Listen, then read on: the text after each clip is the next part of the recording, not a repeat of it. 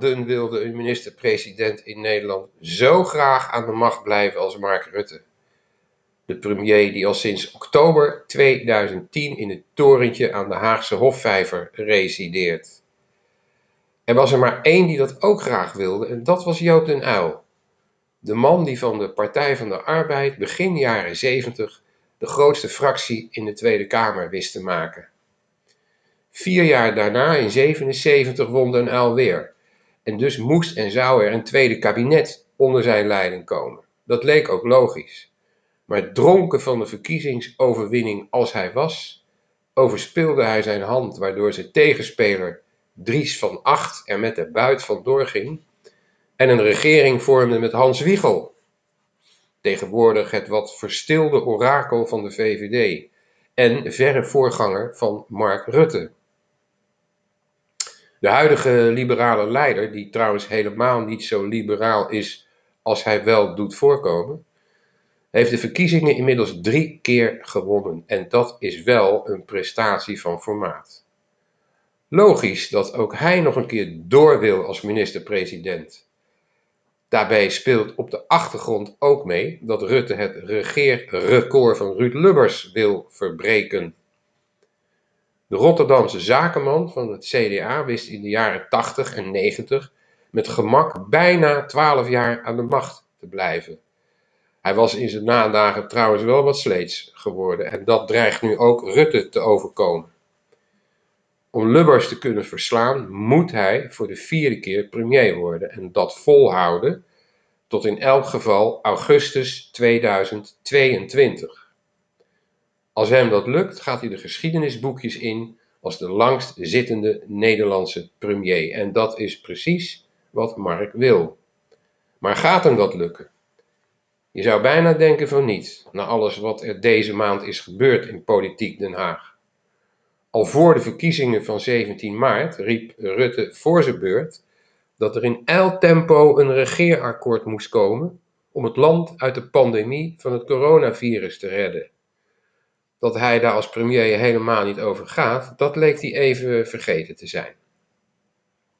Het was een signaal van zelfoverschatting, vanuit de arrogantie van de macht, dat Rutte de gang van zaken na de verkiezingen aan zijn toekomstige regeringspartners wilde opleggen. Een tweede signaal hiervan, en nog kwalijker, was zijn persoonlijke bemoeienis met de positie van het kritische Kamerlid Pieter Omtzigt. En dat al meteen in de prille voorfase van de kabinetsformatie. Het CDA-Kamerlid, die het schandaal bij de Belastingdienst over de toeslagen had blootgelegd, moest onschadelijk worden gemaakt. Geef hem maar een ministerspost. De hele Tweede Kamer, behalve zijn eigen VVD, rood bloed. En het scheelde maar een haartje of Rutte had op Goede Vrijdag voor de tweede keer dit jaar naar de koning gemoeten om nu definitief van het toneel te verdwijnen. Maar uitgerekend de quasi-strenge Sigrid Kaag redde hem. De nieuwe leidsvrouw van D66, na de VVD de grootste, had zich in de nachtelijke uren van het Kamerdebat van 1 april kennelijk laten voorrekenen dat het zonder de VVD vrijwel onmogelijk zou worden om een nieuw kabinet in elkaar te zetten. Als Kaag Rutte de genadeslag had toegebracht die nacht, waar het de hele dag lang naar uitzag, zou zij om een Kamermeerderheid te kunnen halen een coalitie moeten vormen met de PvdA, de SP, GroenLinks de Partij voor de Dieren, de ChristenUnie en nog een paar eenpitters. Kansloze missie, een kabinet van acht partijen. Wopke Hoekstra en zijn CDA zou zij niet meekrijgen in zo'n links avontuur. Om onderhandelingsruimte te behouden met zijn gehavende fractie, vier zetels verlies, ja ja, speelt Hoekstra hard to get. Hij weet dat Rutte en Kaag hem nodig hebben. Zolang Liliane Ploemen van de PvdA en GroenLinks-aanvoerder Jesse Klaver hun poot stijf houden en niet met de gebutste VVD-leider in een kabinet willen zitten. Mark Rutte gebruikte Pasen en de week erna om via NOS en RTL het Nederlandse volk te bezweren dat hij alles in het werk zou stellen om het verloren vertrouwen terug te winnen.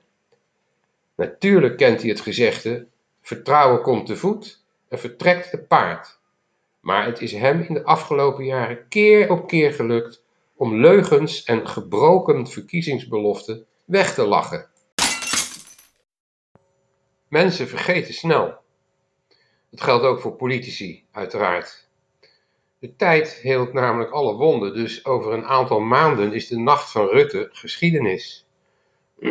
Het zal dan afhangen van vooral PvdA-leider Ploemen of Rutte 4 er wel of niet komt. De combinatie VVD, D66, CDA en P van de A is getalsmatig en politiek feitelijk de enige denkbare. Mocht dat niet lukken, omdat Ploemen haar poot stijf houdt, dan blijven er twee mogelijkheden over. 1. De VVD schuift een nieuwe premierskandidaat naar voren en Rutte gaat in de Kamer zitten als fractieleider. Of 2. Er komen nieuwe verkiezingen. Maar daar zit bijna niemand op te wachten. Een nieuwe gang naar de stembus kan in dit bijzondere geval bovendien alleen als driekwart van de Kamer dat wil. Daar zijn 113 van de 150 parlementariërs voor nodig. Gaat niet lukken. Blijft over de variant waarin Rutte grootmoedig terugtreedt en plaatsmaakt voor bijvoorbeeld Janine Hennis-Plasgaard, de minister van Defensie die in 2017 aftrad na een dodelijk ongeval met twee Nederlandse militairen in het Afrikaanse Mali. Intussen is zij alweer drie jaar hoofd van het VN-bureau in Irak. Als Rutte terugkeert naar de Tweede Kamer volgt hij een oude VVD-traditie, waarmee hij zelf elf jaar geleden brak. Bij de Liberalen was de partijleider immers altijd ook tevens fractieleider. Het meest significante voorbeeld hiervan is de inmiddels hoogbejaarde Frits Bolkestein. Hij weigerde in 94 en ook in 98 zitting te nemen in de zogeheten paarse kabinetten van Wim Kok. Zo kon hij zijn ministers vanuit de Tweede Kamer tot de orde roepen als hem iets niet beviel. Een rol die Rutte misschien ook wel op het lijf geschreven is. Zo kan hij belangrijker worden dan een nieuwe VVD-premier.